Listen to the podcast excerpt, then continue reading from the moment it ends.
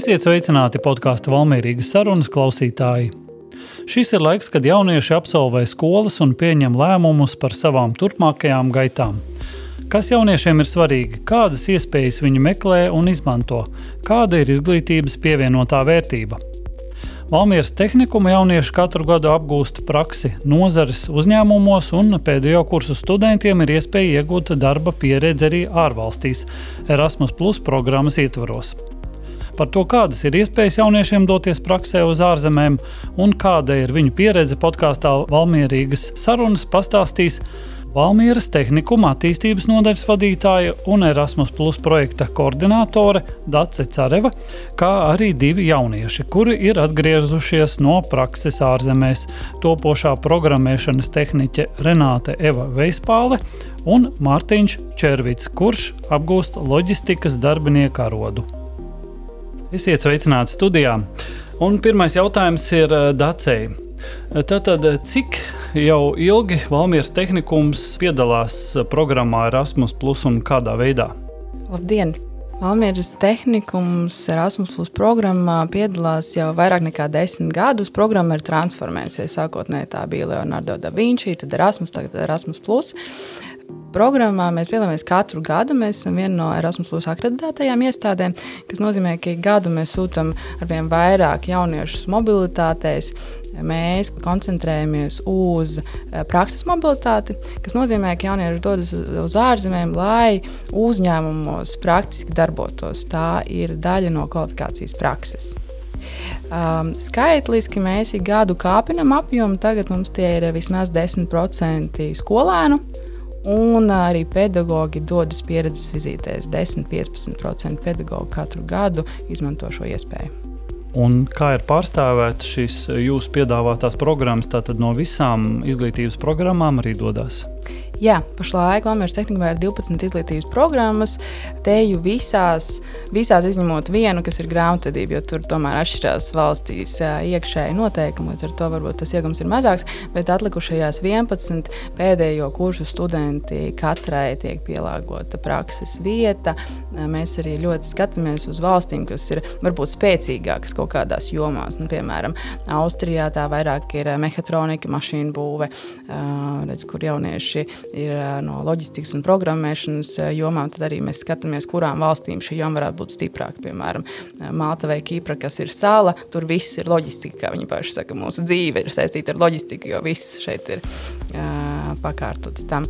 Līdz ar to mēs arī vienmēr skatāmies, kas ir tas gala mērķis, cik atbilstošs un uh, kāds varētu būt iegūms. Un kādi ir šie galamērķi? Jūs minējāt, desmit gadus jau pieredzi. Droši vien esat sadarbības partnerus daudzus atraduši, pārbaudījuši, varbūt vienreiz aizbrauc un arī uz kādiem.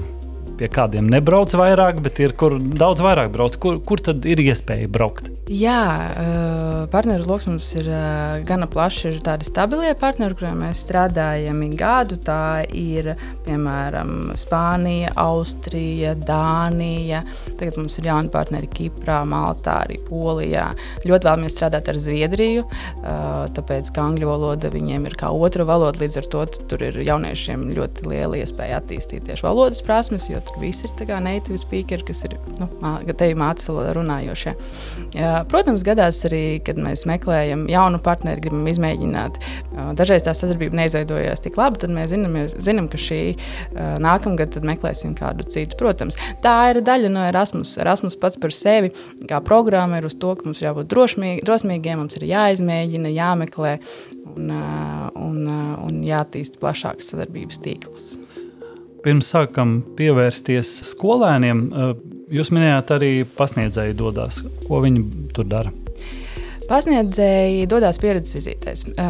Pamatā viņi dodas līdzi jauniešiem, kas sāk strādāt uzņēmumos. Viņi apskata, kāds ir uzņēmuma profils, kādi ir darba uzdevumi, ko tur var iemācīties. Kā prakses vadītājs, piemēram, viņš pārliecinās, ka šīs uzņēmums spējas nodrošināt atbilstošus darba uzdevumus. Tad ar drošu sirdi jaunieti atstāt tur uz sešām nedēļām vai ilgāk.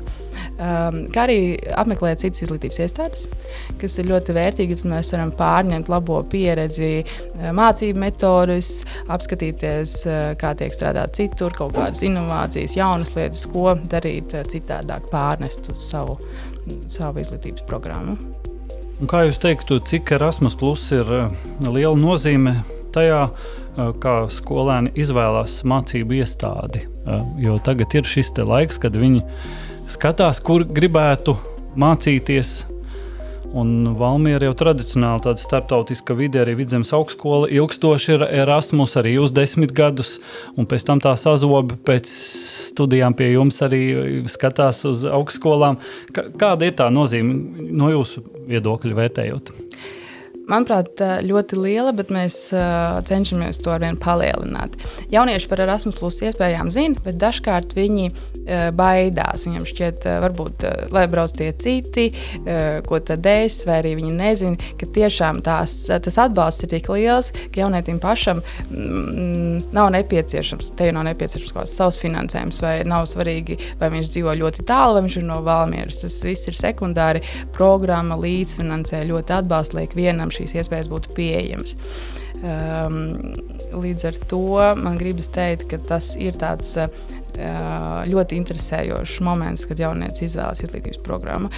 Mēs to ļoti cenšamies arī izstāstīt, kad ar karjeras dienas vai, vai karjeras konsultants nāk tālāk jaunietim saprast, ko tad izvēlēties. Mēs arī stāstām par šīm iespējām. Jo Valmieras tehnikumā jaunieši mācās četrus gadus apgūst izglītības programmu, un katru gadu viņiem ir arī prakse. Līdz ar to tās ir vismaz četras dažādas darbvietas, kur viņi gūst pieredzi.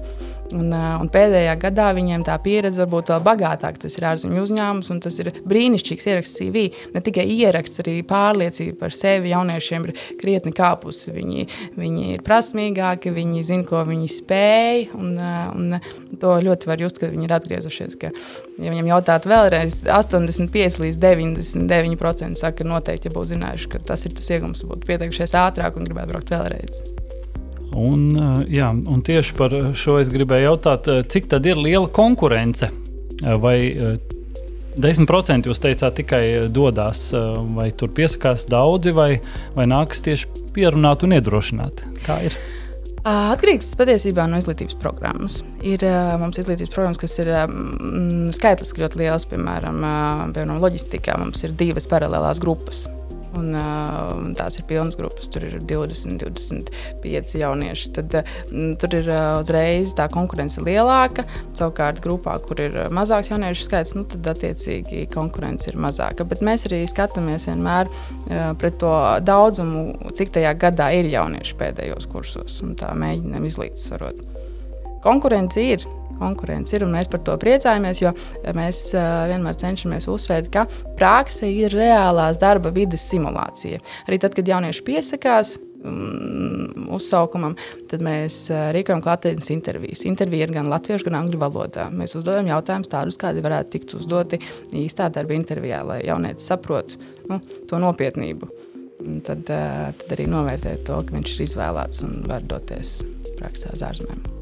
Mhm. Tie, to es arī gribēju jautāt, tad, kā jūs izvērtējat viņus? Eh, tur ir darba intervija, kaut kādas arī sekmes, vēl kaut kas, kas ir Kādi priekšnosacījumi? Jā, mums ir vērtēšanas kritēriji, seši vai septiņi punkti, kas ietver gan motivāciju, sekmes, arī to, kā sagatavots pieteikums. Mēs skatāmies arī, kā ir iesūtīts iesniegums, kā ir iesūtīts CV, jo to visu mēs pārsūtām uzņēmumam, kurš strādās ar jauniešiem tālāk. Klātienes intervija. Kāda ir tad īstā motivācija? Es gribu tikai aizbraukt, paskatīties, vai kas ir tas, ko es vēlos iegūt kā topošais profesionāls. Um, arī spēja runāt angliski. Tas ir diezgan sekundāri. Es saku, ja angļu valoda būtu jūsu stiprākā puse, tad iespējams jūs mācītos valodas, nevis šo specialitāti. Valodai ir jābūt, bet tam nebūtu jābūt ierobežojušiem apstākļiem, kāpēc nevēlas pieteikties. Um, To visu liekot kopā, mēs esam vairāk cilvēku komisijās, asumējam un skatāmies, kurš tad, kuri tad ir saņēmuši lielāku punktu skaitu.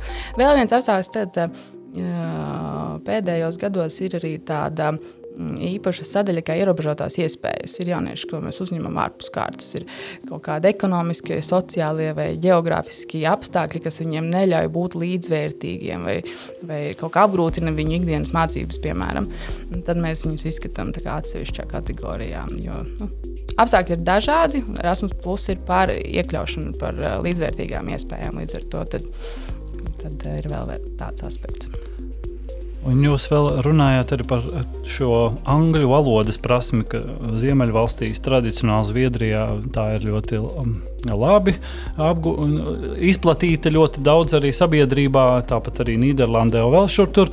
Bet ir, eh, kur tiešām ir nu, diezgan grūti ar šo valodu. Vai ir gadījies, ka praksi, prakses laikā um, nākās apgūt portugāļu, spāņu, itāļu valodu? Es teiktu, ka biežāk jaunieši saka, ka ir apgūši ļoti labi žestu valodu. Šādos gadījumos, protams, arī jā, Dienvidu valstīs nākas saskarties ar to, ka, piemēram, uzņēmumā viens piemēram, prakses vadītājs runā ļoti labi angliski vai gana labi angliski. Savukārt pārējie kolēģi, ar kuriem ikdienā nākas saskarties, nu, viņiem ir vājākas prasmes. Bet viņiem ir ļoti laba īpašība, kas ir atsaucība. Un to pat valoda dažkārt nespēja atsvērt. Viņš nespēja tik labi izteikties angliski, bet viņš ir tik atsaucīgs. Viņš parādīs, nodemonstrēs, aizvedīs, atkārtos spāņu valodā, ierakstīs telefonā, tulkotājā, parādīs, un tā komunikācija notiek. Jautājums ir vienkārši, kā nodot to informāciju. Uh, bet, uh, jā, jā, tās valodas prasmes atšķiras. Tā ir. Ar to arī jārēķinās, to mēs arī sakām. Arī interesanti pieredze, jo ne visur jūs sagaidīsiet ar angļu valodu, perfekta angļu valoda arī darba gaitās droši vien. Jā, es eh, domāju, ka jauniešiem arī būs uh, līdzīga pieredze. Ne visi, ne visi spēj. Um, te pašā laikā mums jādomā arī no otras puses, tad, kad pie mums atbraukt. Mēs esam Eiropas Savienībā, mēs visi esam līdzvērtīgi. Arī pie mums brauc studenti, un arī viņi sagaida, ka mēs it kā visi runāsim ļoti labi angļu valodā, bet tā nevienmēr nav. Daži kolēģi runā ļoti labi, un citi runā varbūt netik labi. Nu, Mm.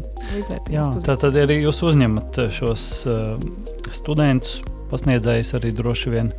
Jā. Par to mēs arī parunāsim vēlāk, bet tagad tiešām dosim vārdu arī Renātai un Mārtiņam, lai viņi pastāst par savu motivāciju, kādēļ viņi vispār šeit mācās uh, Valmieras tehnikumā un kādēļ izvēlējās doties arī uh, praksē uz ārzemēm, un kur viņi bija un kā viņiem gāja.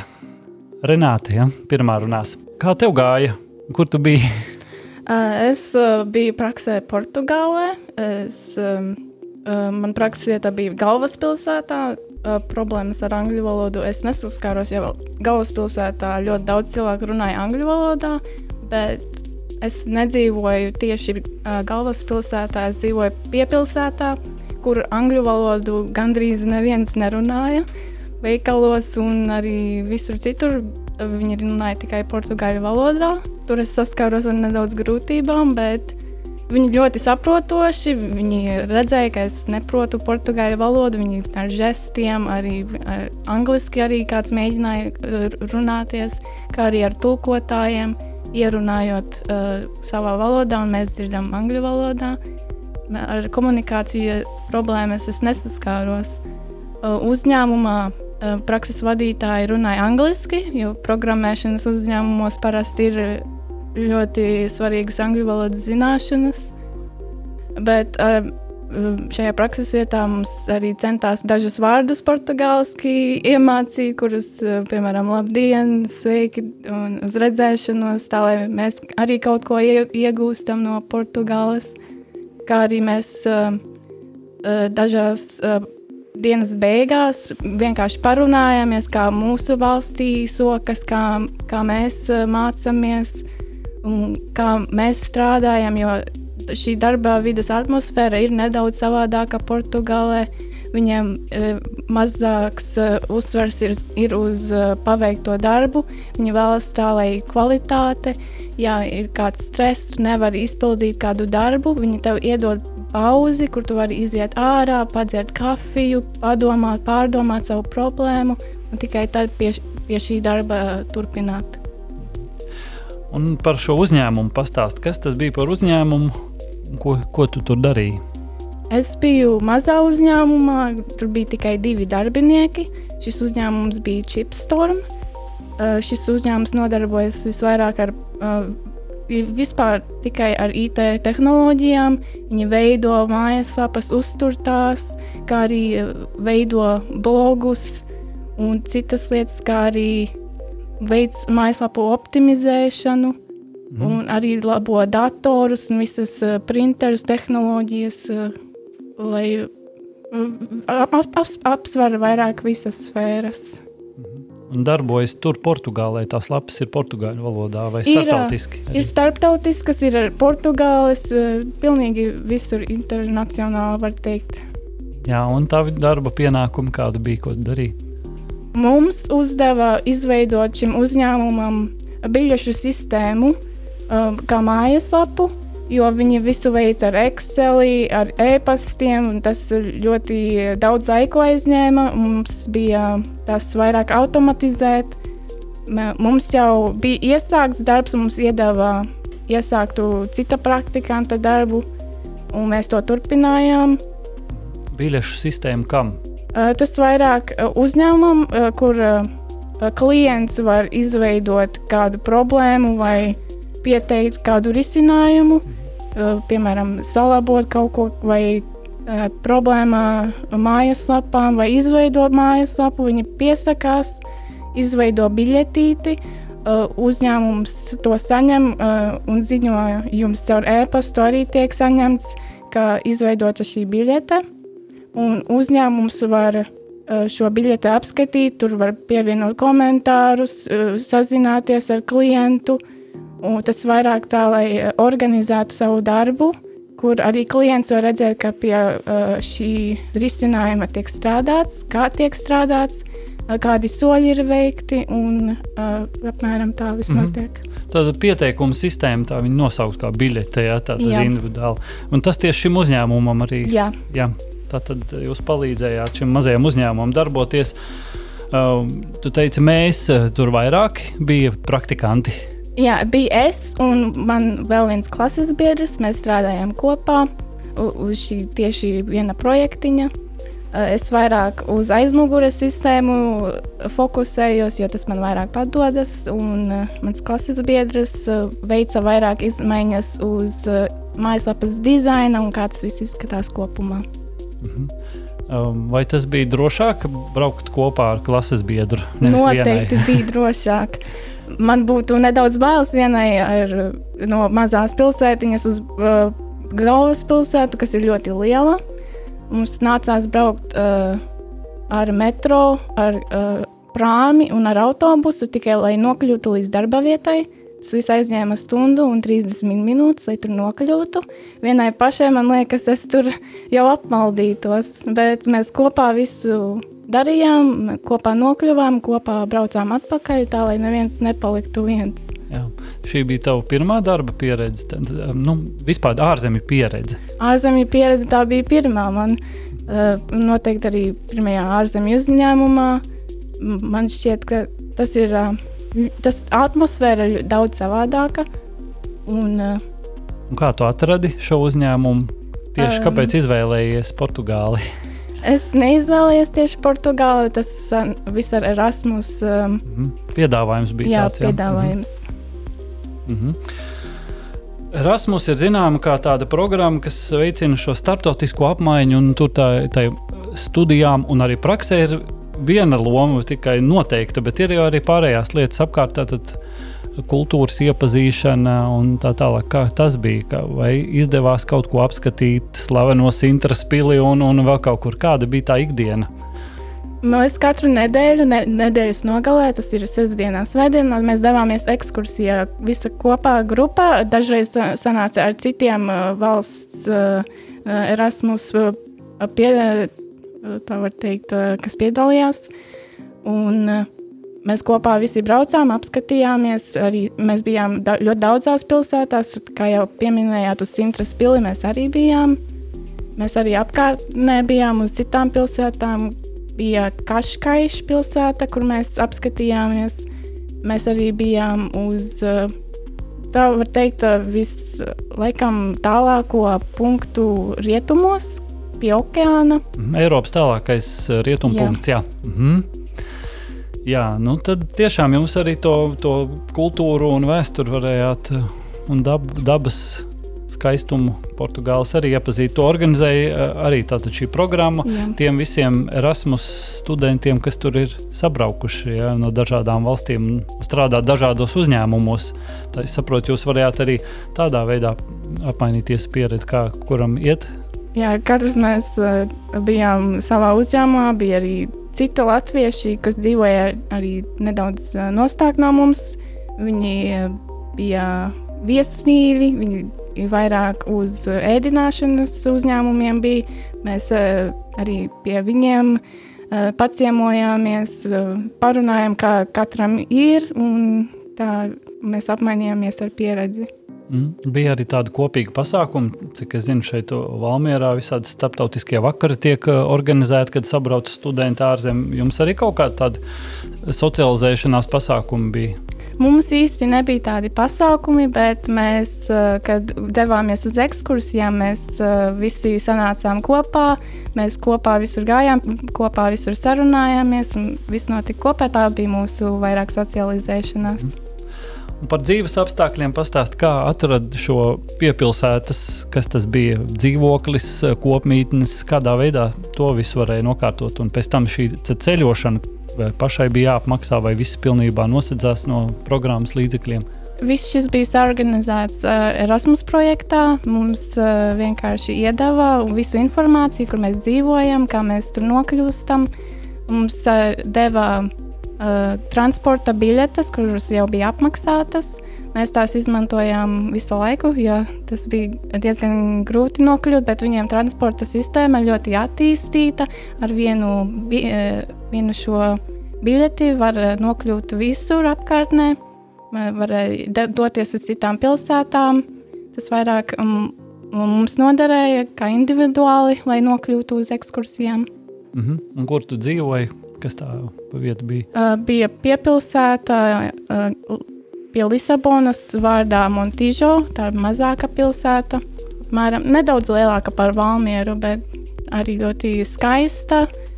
Uh, visa kultūra arī mēs redzējām, tur arī notika pasākumi, bija karnevāls, kuru mēs apmeklējām, mēs redzējām.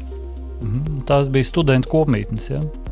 Tā, tas bija vairāk kā dzīvoklis, bet uh, ar, vair ar vairākām istabām, kas nu, varētu būt arī kopmītnes. Mm. Tātad jūs kopā tur dzīvojat vairāk.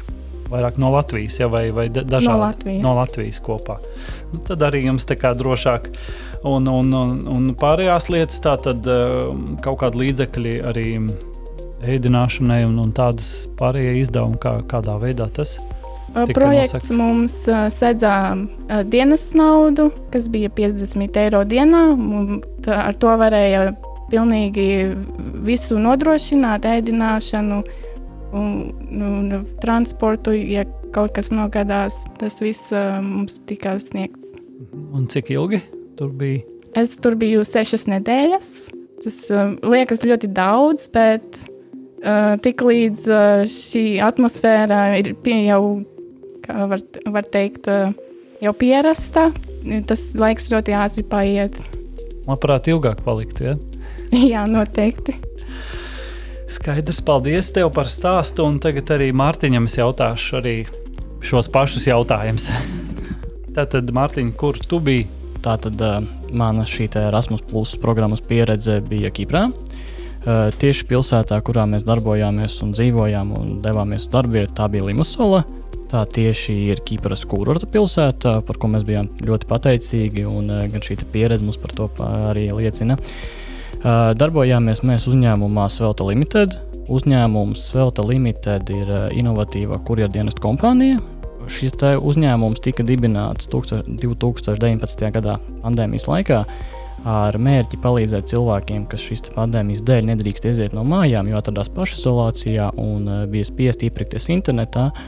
Un tieši tāpēc šis uzņēmums veica šo internetu veikalos iegādāto preču piegādi klientiem. Uh, mēs varam būt ļoti priecīgi un pateicīgi par to, ka uzņēmums bija ļoti atsaucīgs pret mums. Uh, jau pirmajā dienā mēs tikām iepazīstināti ar pašu uzņēmumu vīziju, ar galvenajiem punktiem un galvenajiem soļiem, kā uzņēmums darbojas, tieši kādēļ viņš tika dibināts, tieši kāpēc uh, uzņēmuma vadītājs vēlējās palīdzēt cilvēkiem. Un uh, jau pirmajās dienās mēs tikām piešķirti ļoti atbildīgiem uzdevumiem, eh, jo šī maršruta plānošana tiešām ir atbildīga. Jo, ja mēs saprotam to, ka visa loģistika ir finanšu un materiālu plūsma, tad mums, kā praktikantiem un cilvēkiem, kas šajā Kiprā nav nekad dzīvojuši, un mums tā ir jauna pieredze, piešķirt mums šādu atbildīgu uzdevumu. Tas tiešām ir arī no uzņēmuma puses tāda kā iniciatīva un uzticēšanās mums. Bet, uh, aizbraucot šo uzņēmumu, mēs sapratām, ka uh, viens ir tas, ko uzņēmums mums var piedāvāt, bet otrs ir tas, cik daudz mēs esam gatavi paņemt no paša uzņēmuma, cik daudz mēs esam gatavi mācīties, cik daudz mēs vēlamies paši iegūt uh, šo pieredzi, lai, lai tā mums palīdzētu nākotnē. Jo aizbraucot šādā pieredzes apmaiņā, mēs esam jauni un mūsu karjerā vēl ir tikai pašā izaugsmē. Un, kā jau kolēģi teica, šāda pieredze mums ir milzīgs bonus mūsu CV, mūsu dzīves gājumā par to, ka mēs esam strādājuši šādā starptautiskā uzņēmumā. Šāda pieredze ir nenovērtējama un tiešām šis palīdz, jo piedaloties šādā pieredzē, mēs iegūstam jaunus kolēģus, mēs iegūstam jaunas prasmes un zināšanas, ko strādājot un dzīvojot Latvijā, mēs nevarētu iegūt. Jo, kā jau Kiprā, tur, nu, būdama salas valsts, tieši loģistika ir visur, un bez loģistikas neiztikt. Tā ir ļoti svarīga viņu dzīves daļa. Un, uh, tieši tāpēc uh, mēs arī ieguvām daudz jaunas zināšanas un prasmes, ko atrodoties Latvijā. Mums Latvijā arī loģistika ļoti attīstīta. Mums ir gan ostas, gan dzelzceļa, gan autotransports diezgan augstā līmenī, bet uh, tieši Kiprā, kad visa šī materiāla piegāde tiek veikta ar kuģiem, uh, tieši visa šī pieredze mums bija kas jauns. Mhm. Tā tad šis uzņēmums, cik liels bija arī tāds mazs uzņēmums, uh, jaunu uzņēmums. Jā? jā, mēs varētu teikt, ka šis uzņēmums bija diezgan mazs. Kopā tur varbūt darbojās kādi septiņi darbinieki, jo saku, uzņēmums tika dibināts nesen. Un, uh, droši vien ar laiku tas attīstīsies, bet pašlaik tur darbojas apmēram septiņi darbinieki. Katram no šiem darbiniekiem ir savs uh, mērķis, savs uzdevums. Katrs no viņiem darbojas savā jomā. Uh, Bija cilvēks, kas darbojas tieši ar mājaslapu un aplikācijas izveidi, bija klienta apkalpošanas speciālists, bija gan grāmatvedība, gan loģistikas plānotājs, gan tieši pats uzņēmuma vadītājs. Un, uh, uzņēmums bija mazs, bet uh, šajā sešu nedēļu periodā mēs uh, tikām pie vairākiem darba pienākumiem, gan tieši pie pienākumiem ar loģistiku, gan arī tikām strādāt ar dokumentāciju, kas arī mums bija kas jauns. Jo šajā uzņēmumā dokumentācija ieņem ļoti lielu lomu. Kā jebkurā uzņēmumā, visa šī organizācija, struktūrēšana, eh, visam ir jābūt kārtībā. Jo, jo tieši ja mūsu šī dokumentācija ir kārtībā, gan pašam uzņēmumam ir vieglāk un eh, ir saprotams tieši. Kād, eh, kādā stāvoklī atrodas uzņēmums, vai visi rēķini ir samaksāti, vai, vai, vai viss, viss ir izdarīts korekti. -hmm. Tātad tas ir birojs no šiem septiņiem cilvēkiem, bet tos pašus loģistikas pakalpojumus līdzīgi kā Vai Bolt Food sniedz uh, kurjeri, kas tiek uh, algoti kaut kādā veidā? Nē, tieši birojā mēs darbojāmies kā apmēram septiņi darbinieki, un uh, šim uzņēmumam ir apmēram 10 līdz 12 kurjeri. Kuriem ir savas dienas automašīnas ar uzņēmumu logo, nu, šīs uzņēmuma automašīnas, un ar šīm uzņēmuma automašīnām viņi veic šo preču piegādi klientiem. Skaidrs, nu, jā, līdzīgi kā Latvijā arī šādi uzņēmumi ir. Uh, Um, vismaz, piemēram, lai varētu saprast, jā, tas līdzīgi ir kā, kā, kā volts, ja, piemēram, jā, tikai uh, ar jā, automašīnām. Jā, jā. jā, uzņēmumam ir gan automašīnas, gan uh, rolleri, jo tieši šādā intensīvā pilsētvidas satiksmē mēs saprotam, ka ar automašīnu mazliet grūtāk pārvietoties. Mm -hmm. Tieši tāpēc šādi rolleri varētu būt ērtāks piegādes veids. Tas palīdzētu šo piegādi veikt ātrāk, un, ja mēs šo piegādi veicam ātrāk, mēs apkalpojam vairāk klientus. Un, uh, kur jūs dzīvojāt, arī vairāk bijāt ja, latvieši kopā? Uh, jā, šajā projektā mēs bijām četri latvieši. Uh, mēs bijām visi no Valmieras tehnikuma, no vienas grupas. Tāpēc mēs varam būt priecīgi par to. Uh, apmetāmies mēs Šipkona apartamentos. Uh, Šipkona arī ir tāda kā Kipras uh, pieredzes apmaiņas programma. Un šajā dzīvoklī dzīvojām visi mēs audzēkņi, kas ir atbraukuši dažādās apmaiņas programmās tieši uz Kipras pilsētu, nu, uz Kipru. Uh, dzīvojām mēs visi šie četri latvieši divu stāvu dzīvoklī. Uh, mums bija gan sava virtuve, sava vannas istaba, divas personīgās istabas, kurās mēs uh, divi tā draudzīgi dzīvojām. gluži tāpat kā kolēģi, arī mums tika iedalīta šī dienas nauda, ar kuru mums bija jāizdzīvo.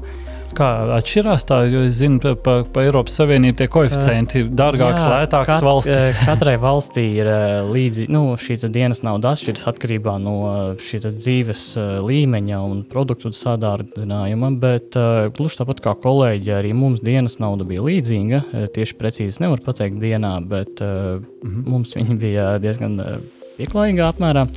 Uh, tieši par ēdināšanu nu, šoks mums bija par dažādiem produktiem, par to, ka, kas Latvijā ir tas kā standarta produkts. Viņiem tāda produkta nav, jo viņiem ir uh, pavisam cita kultūra, pavisam cita zemniecība, un tāpēc arī šie produkti nedaudz atšķirās. Nu, kā bija? Tiešām es vēl arī jautāšu Renātei par šo es piemirsu. Tieši iesāku šo tēmu ko nevarēja atrast, ko ļoti gribējās, un kas bija tāds, ko tu iepazini un, un kas garšoja, iegaršojās? Uh, nu, pirmkārt, kā Latvijam, viens no galvenajiem produktiem ir rūpmaize. Mhm. Un uh, Kiprā šāda rūpmaize viņiem nav pieejama. Iespējams, tāpēc, ka viņiem ir savādāka šī agrokultūra, varbūt tāpēc viņi neaudzē šādus miežus vai kviešus.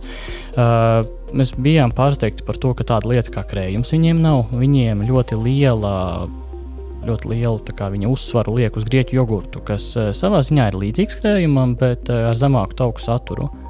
Uh, pēc garšas viņš nedaudz atšķirās, taču ar laiku mēs pieredzām pie viņa. Tagad, tieši atbraucot uz Latviju, uh, tas ir viens no produktiem, arī, ko es esmu vairāk sācis uh, likt savā iepirkuma sarakstā. Esmu sapratis, tiešām, ka tā ir alternatīva. Protams, tāpēc, ka tam ir zemāks tauku saturs, tas ir nedaudz veselīgāks un, un, un arī Uh, tam ir nedaudz savādāka šī struktūra, bet uh, pateicoties šai pieredzei, tiešām šī ir lieta, ko es vairāk sāku izmantot savā uzturā. Un uh, par kultūru un socializēšanos, kā jums veicās, ko, kur jūs bijāt, ko redzējāt? Un... Jā, kā jau es minēju, mēs bijām šajā Limasolas pilsētā. Limasola ir Kipras kurorta pilsēta. Tāpēc eh, šajā pilsētā bija diezgan aktīva naktas dzīve, diezgan aktīvi karnevāli, uz kuriem mēs, protams, arī aktīvi devāmies. Jo sapratām, ka esot šajā pilsētā, eh, būtu muļķīgi neizmantot šādas iespējas.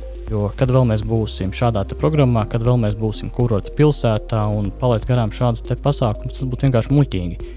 Jo aizjot šo pasākumu, mēs iegūstam jaunu pieredzi, jo viņu šie karnevāli ir uh, ar savādāku intensitāti kā Latvijā. Pieņemsim kaut kāda veida gada tīrīgi vai arī pasākumi, kas mums ir pieejami. Mēs arī regulāri devāmies ekskursijās. Uh, protams, šīs ekskursijas mums uh, lielākoties bija uz vienu pilsētu. Šī pilsēta bija Pafos, kas atrodas Kīpras rietumu daļā, arī tieši pie okeāna. Uh, Uh, Šī pilsēta arī vairāk fokusēs uz uh, turismu, jo tā ir 2023. gada turisma pilsēta Kiprā.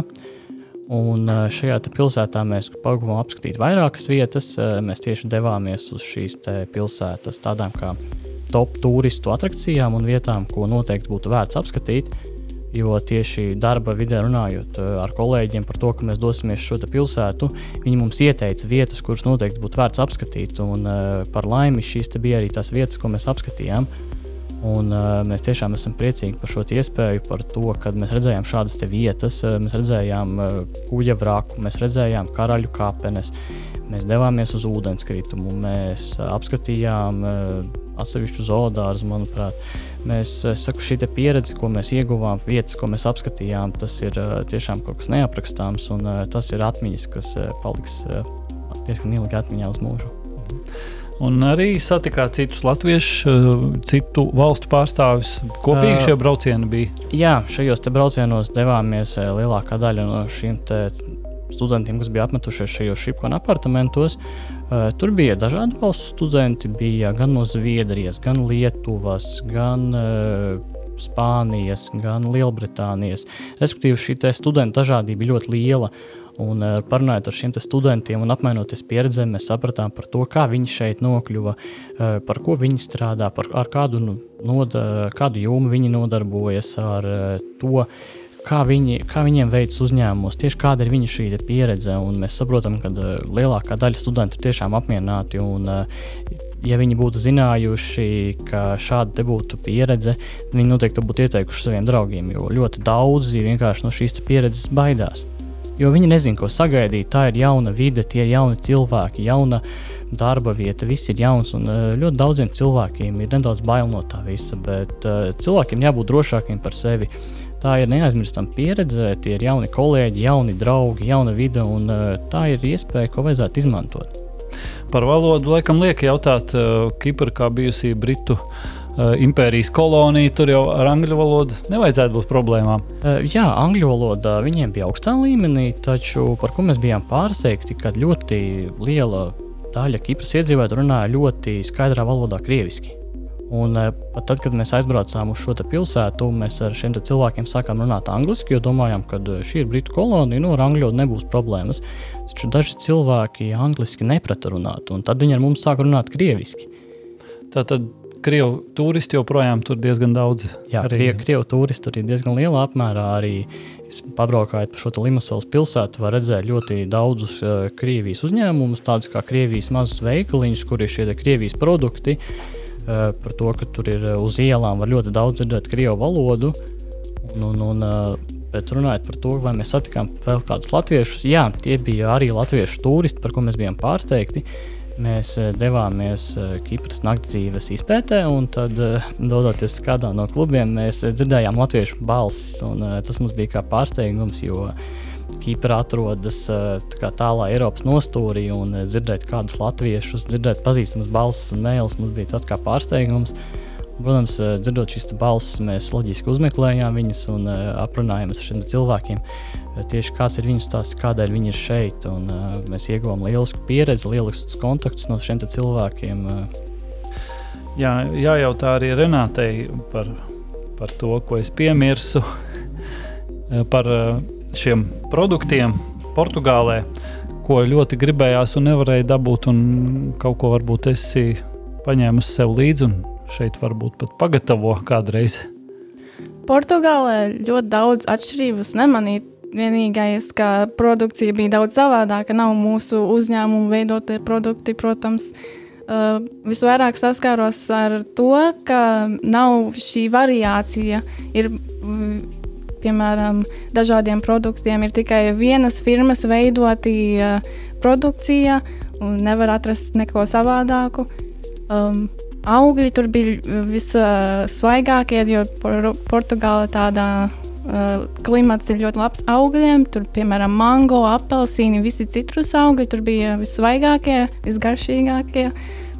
Un, uh, Par pārējiem produkciju, piena produkcijai, gaļas izstrādājumiem, tad problēmas baigi nebija. Viss uh, ir uh, līdzīgi kā Latvijā, tikai šī uh, variācija nav liela.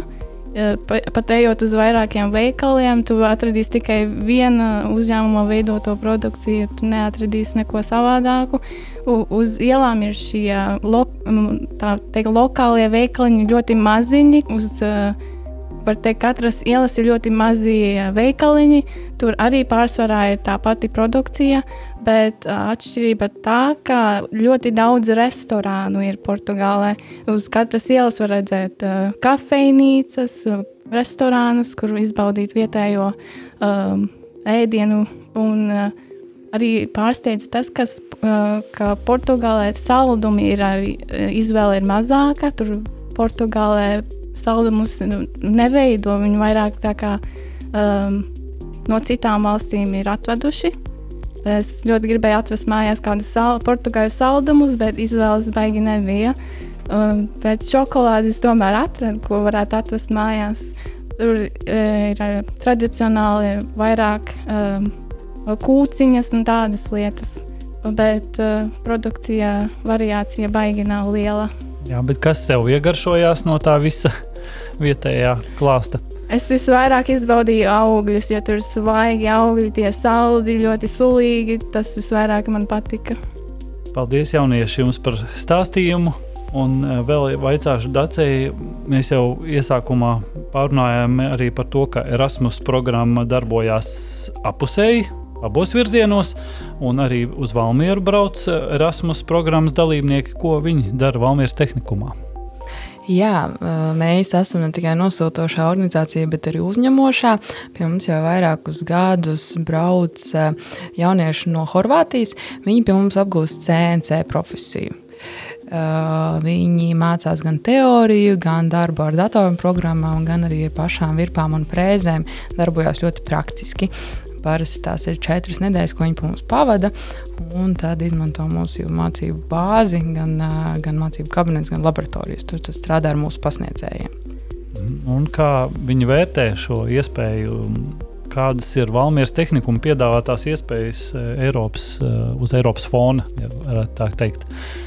Manuprāt, tas, ka šī sadarbība notiek jau vairākus gadus, runā pats par sevi ka līmenis un uh, izglītības saturs ir tas, ko viņi meklē. Uh, CNC pašlaik ir, kas ir Computer Navigated Cutting, ir ārkārtīgi pieprasīts darba tirgu. Un uh, salīdzinoši maz izglītības iestādes piedāvā šo profesiju apgūt, pie tam nodrošināt uh, mācību saturu angļu valodā. Un šeit, Valmjerā, tas ir iespējams, un arī tehnika un telpas, cik es zinu, ir pavisam jaunas, svaigas, nesen. Tas viss ir arī tapis? Jā, jā, pāris gadus atpakaļ mēs atklājām mūsu multifunkcionālo metālapstrādes laboratoriju. Tur tad uh, visa veida metālapstrādes procesi, uh, sākot ar plazmas griešanu, manuālo virpošanu, frēzēšanu līdz dažāda veida CNC apstrādē, kas ir virpošana, frēzēšana, lokšņu liekšana un, un tam līdzīgi. Līdz ar to ļoti plašs spektrs, ko viņi arī ļoti novērtē. Jā, un vai kāds pasniedzējs no ārzemēm arī brauc šeit pieredzes apmaiņā?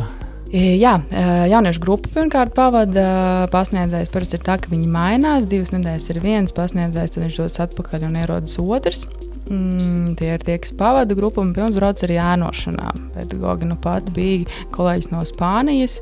Uh, viņu interesēja uh, IT joma un arī biznesa vadība, klienta apkalpošana. Tāda interesanta kombinācija. Tad viņš ēnoja vairākus mūsu kolēģus, skatījās, kā mēs organizējam arī, arī skolēnu mācību uzņēmumiem, kā notiek darbs un gatavošanās konkursiem. Devās līdzi kolēģiem apskatīt mm, prakses vietas, kur jaunieši strādā Latvijā.